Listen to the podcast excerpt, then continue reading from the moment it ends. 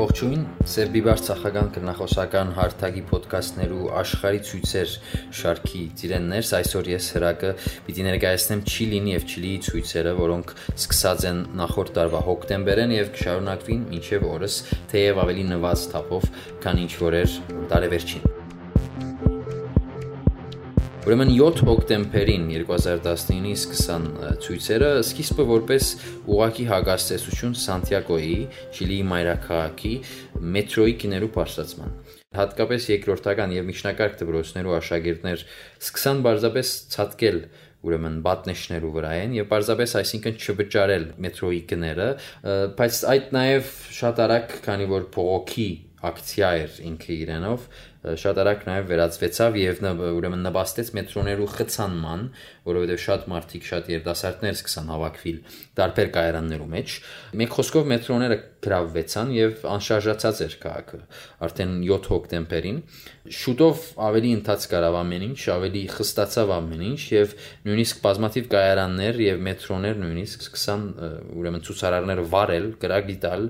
փճացնել եւ այլն։ Այսօր արդյունքով պետությունը, կառավարությունը ուրեմն արտակարգ դրություն հայտարարեց ոստիկանական բավական ուժեղ պատասխան եղավ եւ կառավարության հագաստեցությունը ավելի եւս սաստկացուց ցույցերը մեկ կողմեն ուժի գիրառումներ անհամաչափ Մյուս կողմեն բարձր ճշտոնության վերապերմունքը ավելի եւս կադրեցուց ցուցարարները եւ նոր ցուցարարներ սկսավ բերել ուրեմն հրաապարակներ, ինչի մասն է խոսքը, հատկապես օրինակ կարելի է հիշել երկու բան, առաջինը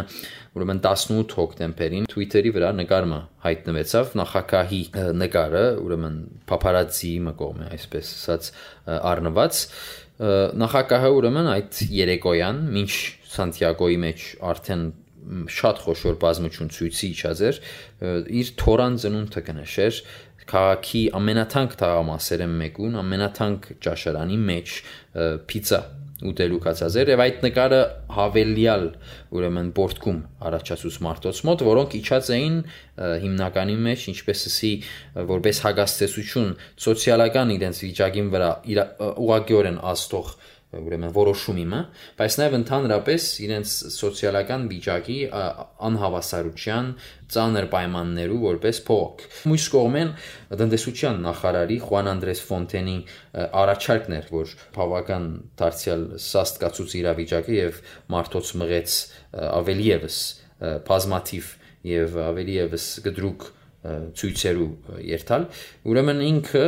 տնտեսության նախարարը առաջարկեր էր պարզապես որ աշխատավորները արևածագեն առաջ դուրս կան եւ արևածագեն առաջ ճամփայելեն դեպի իրենց գործադեղիներ, որբեսի իրենց երթևեկությունը չհամապատասխանե թանկացման տակ ինգած այդ հadoop ժամերուն rush hour-ին, այսինքն այդ թանկացումը հadoop ժամերու հատկապես կվերապերեր այն ժամերն էին արավոտվա, որու ընթացքին մարդիկ գործի կերտան եւ ուրեմն երևակայեցեք տնտեսության նախարարի առաջարկը բարձաբես ի պաշտպանություն իրենց նոր նախագծին կամ գիներու բարձրացման այն էր որ լավ թող մարդիկ բարձաբես արևածագեն շուտ դուրս կան այս բավական գիշեցնեմ ես ուրեմն ՀՀԿ-ական այդ պատկամավորի կարտոֆիլ ուտելու առաջարկը ինչևէ այս ամենը շատ ավելի թեժացուց իրավիճակը ի վերջո 19 հոկտեմբերին նախագահը հայտարարեց որ թանկացման ծրագիրը յետ կքաշեն կվերականգնեն հիմքները, բայց արդեն ուշեր մարդիկ կորսնցուցած էին վստահությունը ընդհանրապես։ Հոկտեմբեր 25-ին միայն Սանտիագոյի մեջ միլիոնե ավելի մեծ ցույց տեղի ունեցավ եւ արդեն իսկ նախագահ Պիներայի հրաժարականի պահանջը հստակորեն կհնչեր։ Հոկտեմբեր 27-ին նախագահը ինքը չհրաժարեցավ, մինչև այսօր չհրաժարած, բայց 8 նախարարի պաշտոնանկություն, ուրեմն պաշտոնանկության որոշում արավ, սակայն ցույցերը այնուամենայնիվ շարունակեցին բավական խիտ շարքերով։ Հետաքրքրական եւ կարեւոր է անշուշտ որ նոր եւ ավելի խորքային բանջներ սկսան ցուսարարները բարձրացնել հիմա որ արդեն իսկ ուրեմն թանկացման մետրոներու թանկացման ծրագիրը յետ քաշված էր գտվարգեմ արագ հիմնական այդ խորքային բանջները առաջինը ուրեմն վերջ տալ մասնավորեցված մասնավոր կենսատոշակային համակարգին քիչ հետո կվերաթարնամ այսօր Երկրորդը ուրեմն աշխատանքային ժամերը 45-են, շաբաթական 45 ժամեն իջեցնել 40 ժամի, ապա մասնավորեցնել ջուրը, ջրային համակարգը,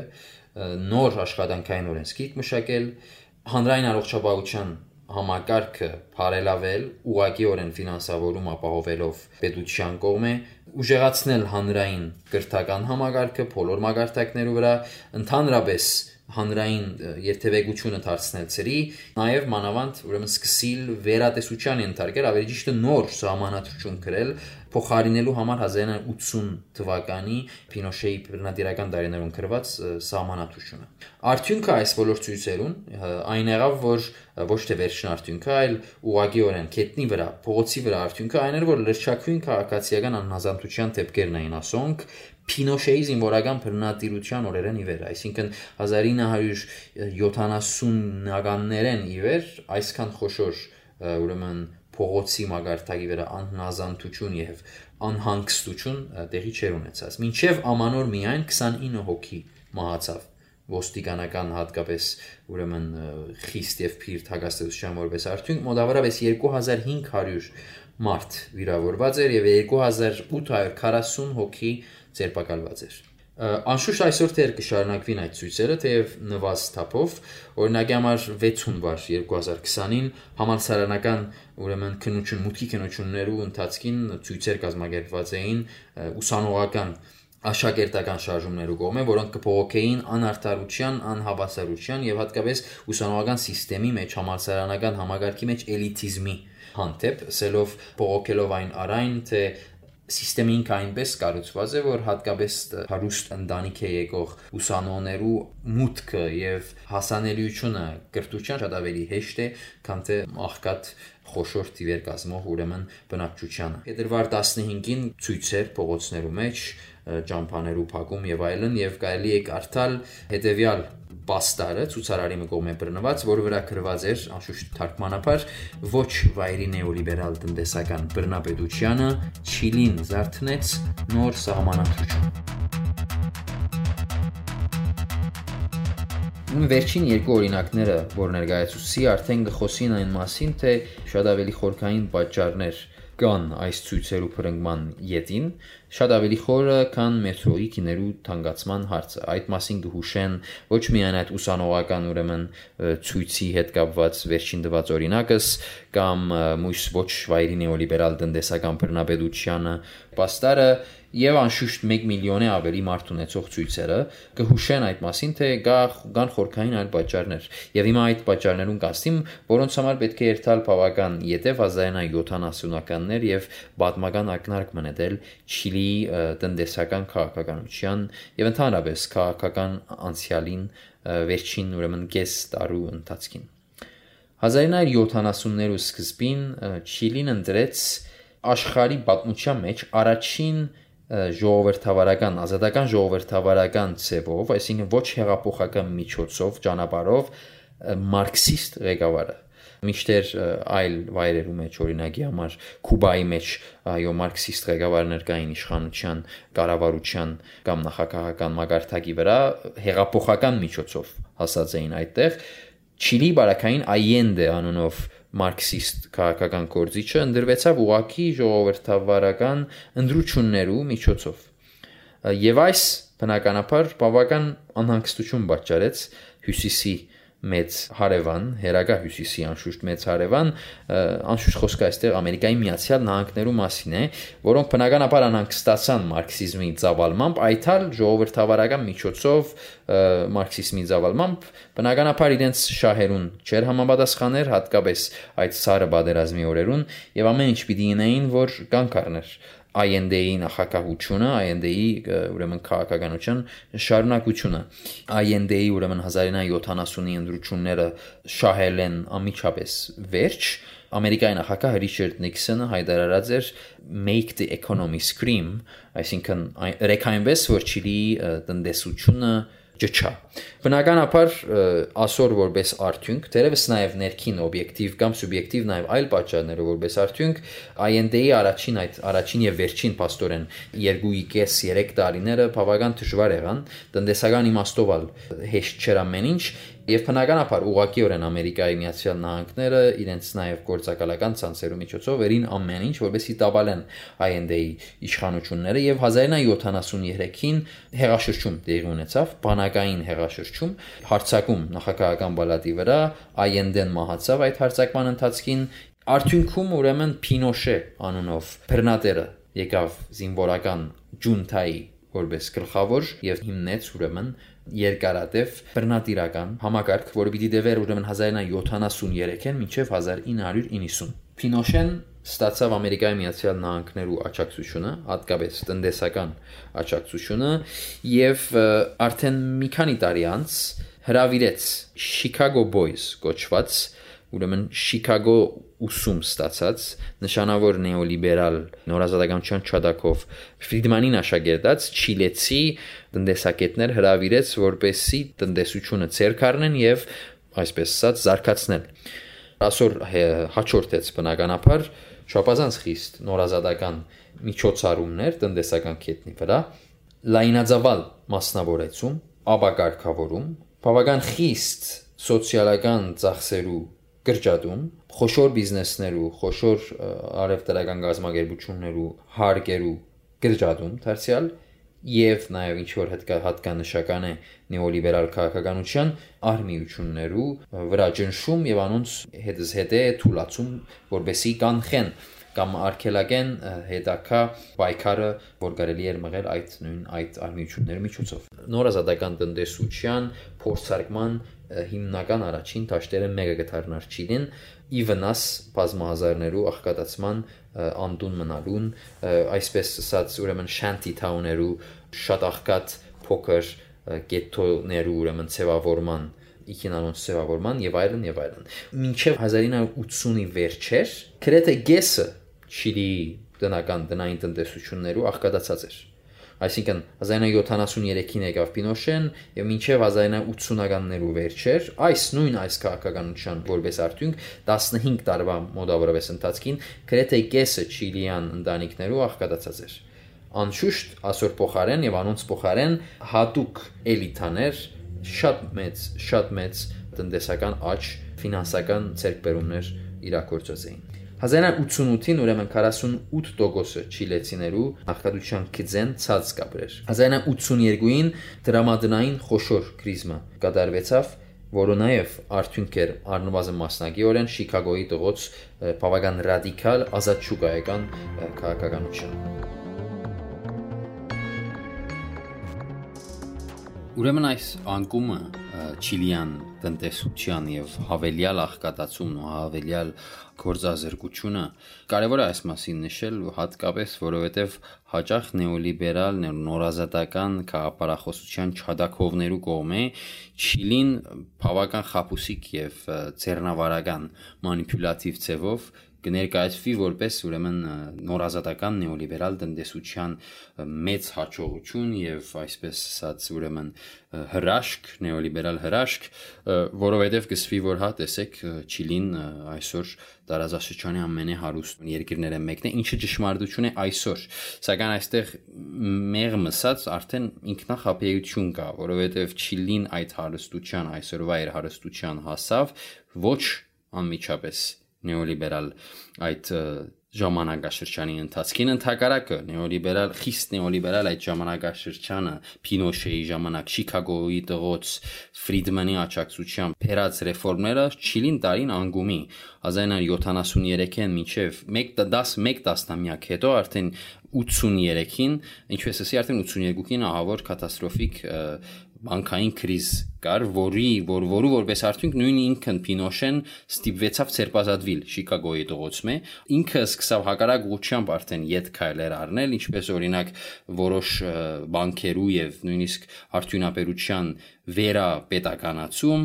նույնիսկ մինիմում ուրեմն մինիմալ աշխատավարձի վերահաստատում եւ այլն, որը սակայն այնուամենայնիվ չգրցավ փրկել։ Այսինքն բարձապես, եթե հստակ թիվերով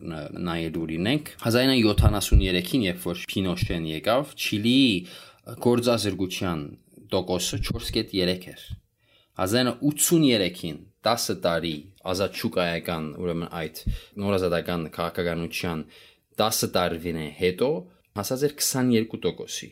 իսկական աշխատավարձները 40%-ով նվազած էին այդ 10 տարվա ընթացքում։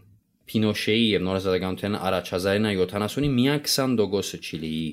աղքատության մեջ կապրեր, երբ որ Պինոշեն հերացավ նախագահական իր ցիրքեն 40%-ի հասած էր։ Գրկնաբատկված էր։ Այսինքն ինչ նորազատական հրաշքի մասին է խոսքը, հարցնելը արդեն ինքնին ծիծաղելի է։ Ուրեմն որոշ տնտեսակետներ, ինչ որոշ նորազդականության չադակով տնտեսակետներ այսպեսի խեղաթյուրված ցևով կներկայացնեն որպես նորազդականության հրաշք Չիլիի հետ 1990-ական սլացքը այլ տնտեսակետներ ուղղակիորեն գսեն որ դա պարզապես ուրեմն ցերնավարական մանիպուլատիվ մոդեցում է եւ իրականության մեջ Չիլիի փորձառությունը ոչ թե նեոլիբերալիզմի հրաշքն է, այլ նեոլիբերալիստական քաղաքականության, տնտեսական քաղաքականության ցախողման հստակ փաստն է, որովհետև տնտեսական հարաճ խաղաց 1975-ին 82 Չիլին ճանաչավ ունեցավ միան խիստ անկում եւ այդ տարիներն էին, երբ որ pure monetarist experiment-ը կար, այսինքն այդ զուտ ֆինանսական նորազատականական ծայրահեղ էքսպերիմենտը Friedman-ի եւ Շիկագոյի տղոց աջակցությամբ։ Մինչդեռ իրենք կբացատրեն, այս տնտեսակետներ կբացատրեն Չիլիի հետակա զարգացումը հիմնականի մեջ բղնցի էքսպորտի, բղնցի արտահանման վրա կառուցված ասկային տնտեսությամբ տարբեր տարիներու ուրեմն բղնցի արտահանումը 30-ին 70 մինչև տոկոսը եղած է ամբողջ պետության, Չիլիի պետության արտահանման մեջ։ Եվ նույնինքն այդ բղնցի հանքերը ինգերություններեն վերաթարցված էին պետության նույն Allende-ի մարքսիստական այդ նախագահի ուրեմն բանով աշխատանքի որպես արդյունք եւ հետո միայն այդ բղնցի բաններ բղնցի ամբողջ արդյունաբերություններ որ շարունակեց մնալ նույնիսկ Պինոշեի ժամանակ շարունակեց մնալ պետական չդրվեցավ մասնավորին, չքնած այդ նոր ազդականացման ջամփով, արդեն երբ որ 1982-83-ին այդ անգումներ եւ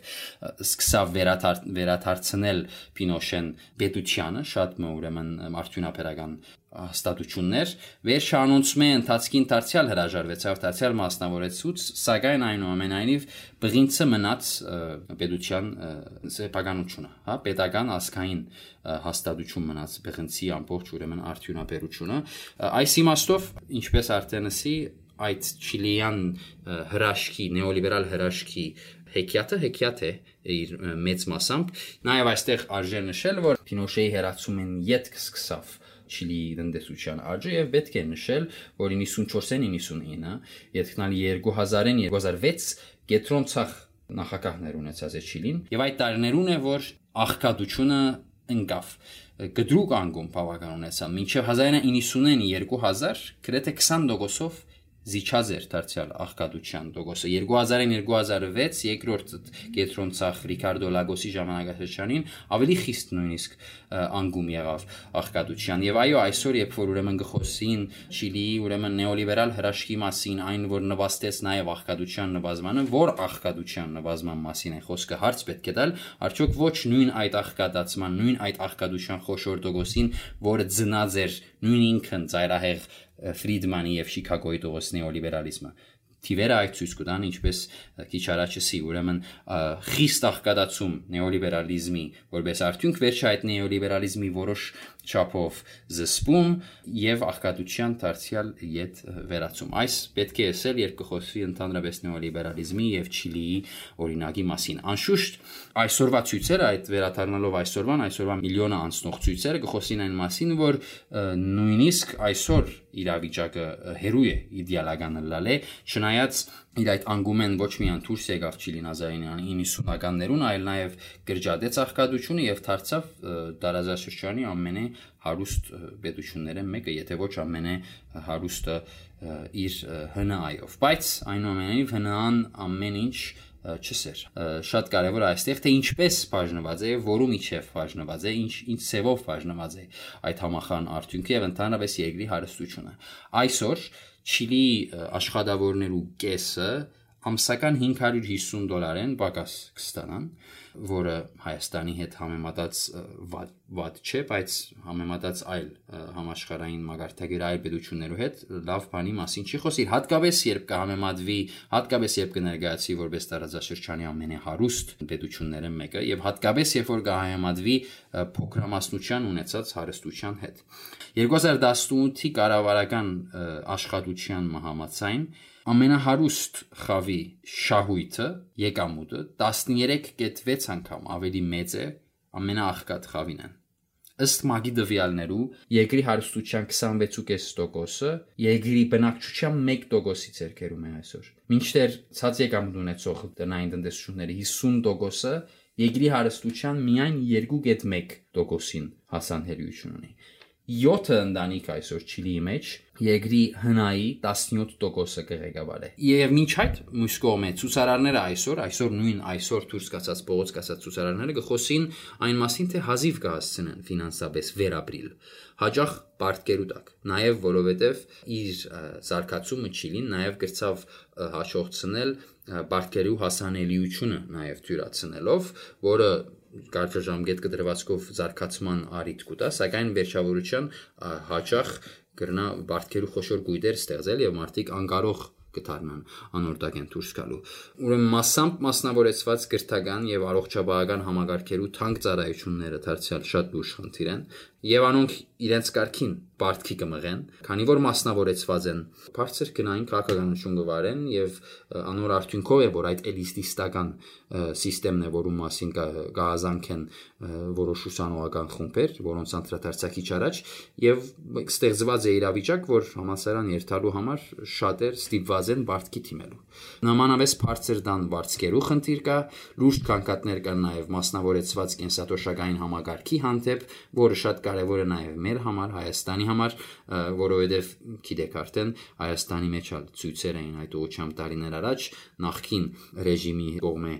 հաստատված գենսաթոշակային համագարկի մասնավորեցման ծրագիրներ, որը երկրորդ փուլը նաև իրակորձման մեջ մտավ իշխանապողութենեն հետո եւ Նիկոլ Փաշինյանի կառավարության օրոք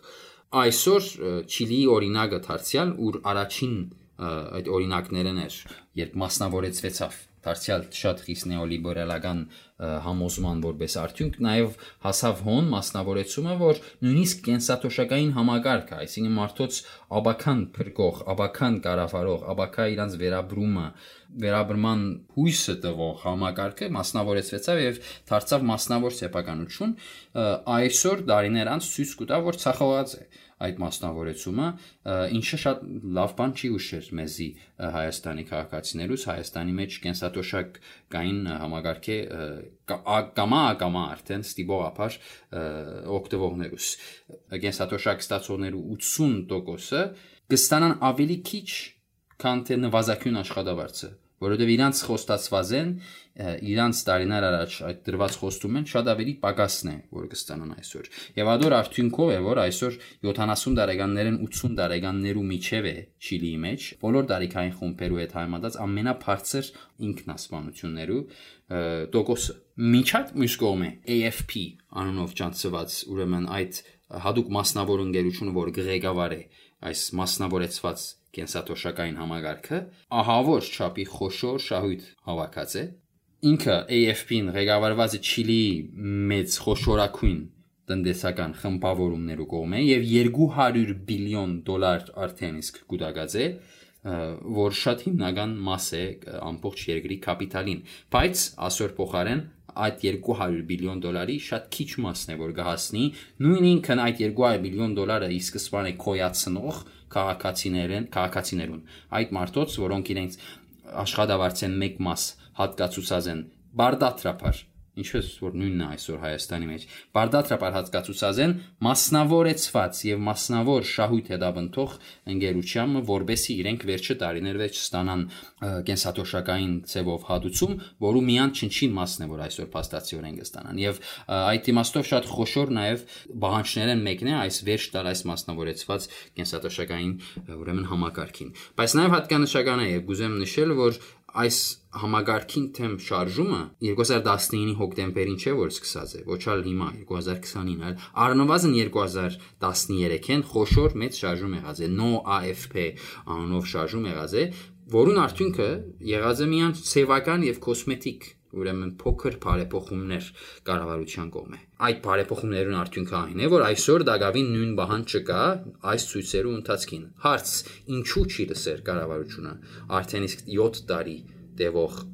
դժկոհության պահանջին ինչու չի լսեր կառավարությունը այդ ինքնասպանական բարձր TV եւ իրականության բարձրացուցած կանչին Արդյոք տնտեսական կետնի վրա անհավասարությունը չէ, որ գաստե քաղաքականության վրա, որ ապա ժողովրդավար կդարձնե իրական քաղաքականությունը,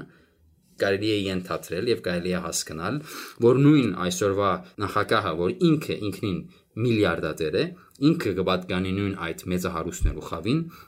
ունի կամ ուղակի կամ անուղակի կամ ոչ ինքը անցնաբես, բայց ամբողջ փորձելը սածս այն է, որ այս նույն նորազատական համակարգի հարաճացուցած շատ խոշոր բևերվազությունը հարուսներու եւ աղքատներու միջև հասցուցած է տեղինը ուր որ աստորեն ժողովրդի մեկ ստվար եթե ոչ մեծամասնությունը կազմող մասը գտուժե որոշ համագարկի պատճառով սակայն 7 տարի են ավելի կփոքե գուտիմատրի այդ համագարկի թեմ սակայն չի գրնար դեր հասնի չի գրնար բան փոխել նախակախեի նախակահ իրականության մեջ չի հաջողի բան փոխել, որովհետև ինչու, որովհետև նույն այդ մասնավորեցված կենսաթոշակային համագարքի 200 բիլիոն դոլար գուտակած մասնավոր այդ ընկերությունը վերաազգայնացնելու կամ բետականացնելու բարակային պիտի գործեն այդ միլիոնները այդ բարձր խավին պատկանող կամ ուրեմն փոխկապակցված ընկերությունները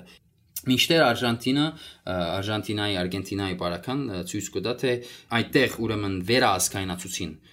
կենսաթոշակային համակարգը, որու արդյունքով այսօր Արժանտինի մեջ կենսատոշակային համակարգը ավելի մեծ ծածկույթ կուտա քաղաքացիներուն եւ ավելի բարձր ամսական վճարներ կիրականացնե, քան Չիլիի մեջ, որը ավելի զարգացած տնտեսություն ունի։ Արդյոք պետք է հայաստանցիներս նաեւ մտածենք վերահսկայնացնելու մասին, հարցը այժմ միայն հրետորական։ Եզրափակելու համար վերաթարնամ ցույցերուն եւ այսօրվա որոշ հղումներ անեմ ցույցերու մասնագետներու կամ գազագերբիչներու եւ եզրափակենք Չիլիի բարակային գսե ցույցերու գազագերբիչներն մեկը ուրեմն ցախական խմբավորումներու առաջնորդ երդասարտքին ղեկավարներն մեկը պետությունը աստորեն ոչինչ չի ծերնարգեր արստության վերապաշխման ուղղությամբ աշխատավարձերու եւ շահույթի եւ եկամուտներու անհավասարությունը նվազեցնելու ուղղությամբ Հարստության վերապաշխման մասին այս ակնարկի արիթով շատ արագ ու կարճ ոստում կատարեմ թեպի Հայաստան, ուղակի իսելու համար եւ նորություն ասած չեմ լինի անշուշտ, երբ ասեմ թե Հայաստանի մեջ ալ վերջին 10 նամյակներու ընթացքին հարստությունը ապօրինի եւ զուտ շահակցական նպատակներով կենտրոնացած է շատ փոքր խավի ցերկերու մեջ եւ առ այսօր այդ հարցը այդ խնդիրը դեռ չէ լուծված, այդ ստեղծված օլիգարխիան, որը ահակին խոշոր հանրային հարստություն կենտրոնացած է իր ցերկերու մեջ տասնամյակներու ընթացքին, սկսած առաջին անկախացման տասնամյակեն այդ մասնավորեցման խոշոր ալիքով, հետո արդեն շատ ավելի երթալեն ավելի խորն ու խորը կորումպացված ուրեմն համակարգի միջոցով այդ օլիգարխիան, այդ գամադոր արդյունքով ստեղծված օլիգարխիան այսօր Դակավին գոյություն ունի առնվազն տնտեսական դաշտի մեջ, տնտեսական հարաբերությունների առումով, նույնիսկ եթե ինքը ուղագիորեն քաղաքական լծակներու այլևս գրեթե չի տիրապետեր, թեև որոշ մասը նաև ազգային ժողովի մեջ ներկայություն ունի, այնուամենայնիվ տնտեսական կետնի վրա այդքան էլ բան չէ փոխված եւ իշխող դասակարգը մնացած է նույնը, այսինքն մեկ խոսքով նույն հայտ հարստության վերապաշխման հրամայականը առանց որու կարելի չէ վերահաստատել արտարություն այս երկրի մեջ, տակավին կմնա իզորու պետք է արագ մնայև հղում մնեմ համահարթ հարգմանը, այդ միջոցով նաև եկամուտներու փևերացման աջին եւ վերաթարնամ դարձյալ այդ չիլեցի դիկնոջ ըսածին, որ Չիլիի պետությունը ոչինչ չներ եկամուտներու այդ խոշոր անհավասարությունը նվազեցնելու ուղղությամբ եւ մենք ադոր համար է որ այսօր միլիոնե ավելի դուրս եկած ենք փողոց Ուրիշներ կսեն, որ բարձրապես կոսմետիկական փոփոխություններ են եւ հիմնական լուծումներ չեն դրվիր, դարիներ է իվեր եւ բարձրապես բիզնեսն է, որ առաջին ղարքի վրա գտնվի եւ բիզնեսին ավելի իրավունք կդրվի, քան մեր անհատական քաղաքացիներու իրավունքները։ Հաջող պետք է այստեղ նշել, որ նույն ինքը այսօրվա նախագահ Սեբաստիան Պինիերան շատ խիստ չադակով եղած է Պինոշեի ռեժիմին եւ ինչպես արդեն ասի ինքը ինքնին միլիարդատեր է 2010-14 նախագահազե ատկեվերջալ 2017-ին վերընտրված է եւ մինչեւ հիմա գործող նախագահ է թեև շատեր կբահանջեն իր հրաժարականը իր ժամանակաշրջանը հատկանշված է կորզազրկության հավելյալ աճով աշխատավորներու քրեթե կեսը այսօր ստվերի մեջ կգործե եւ խոշոր կորձարաններուն նպաստող ռեֆորմներով։ Մեկ խոսքով այսօրվա հիմնական բաժկը բա արդարության բանջն է, ոչ միայն հարցի ժամանակավոր լուզում եւ ծայրը ծայրին փրկություն, այլ արդարության վերահաստատում։ Ինչպես ցուսարաններեն մեկը գսեր 30 պեսոսի մասին չէ խոսքը, պեսոսը իրենց դրամն է, այլ 30 տարվա այն հարցի հետ է կապված, որ այսօր 7 ընտանիքներ 17%-ին կդերապետեն GDP-ին համախառն ներքին արդյունքին, իսկ ինչ է կներեք, բայց պիտի վերաթարնալ Հայաստան, ինչ է Հայաստանի վիճակը այդ առումով, քանի մարտիկ են, որոնք կդերապետեն Հայաստանի տնտեսության այսօր, այսօր 2020-ին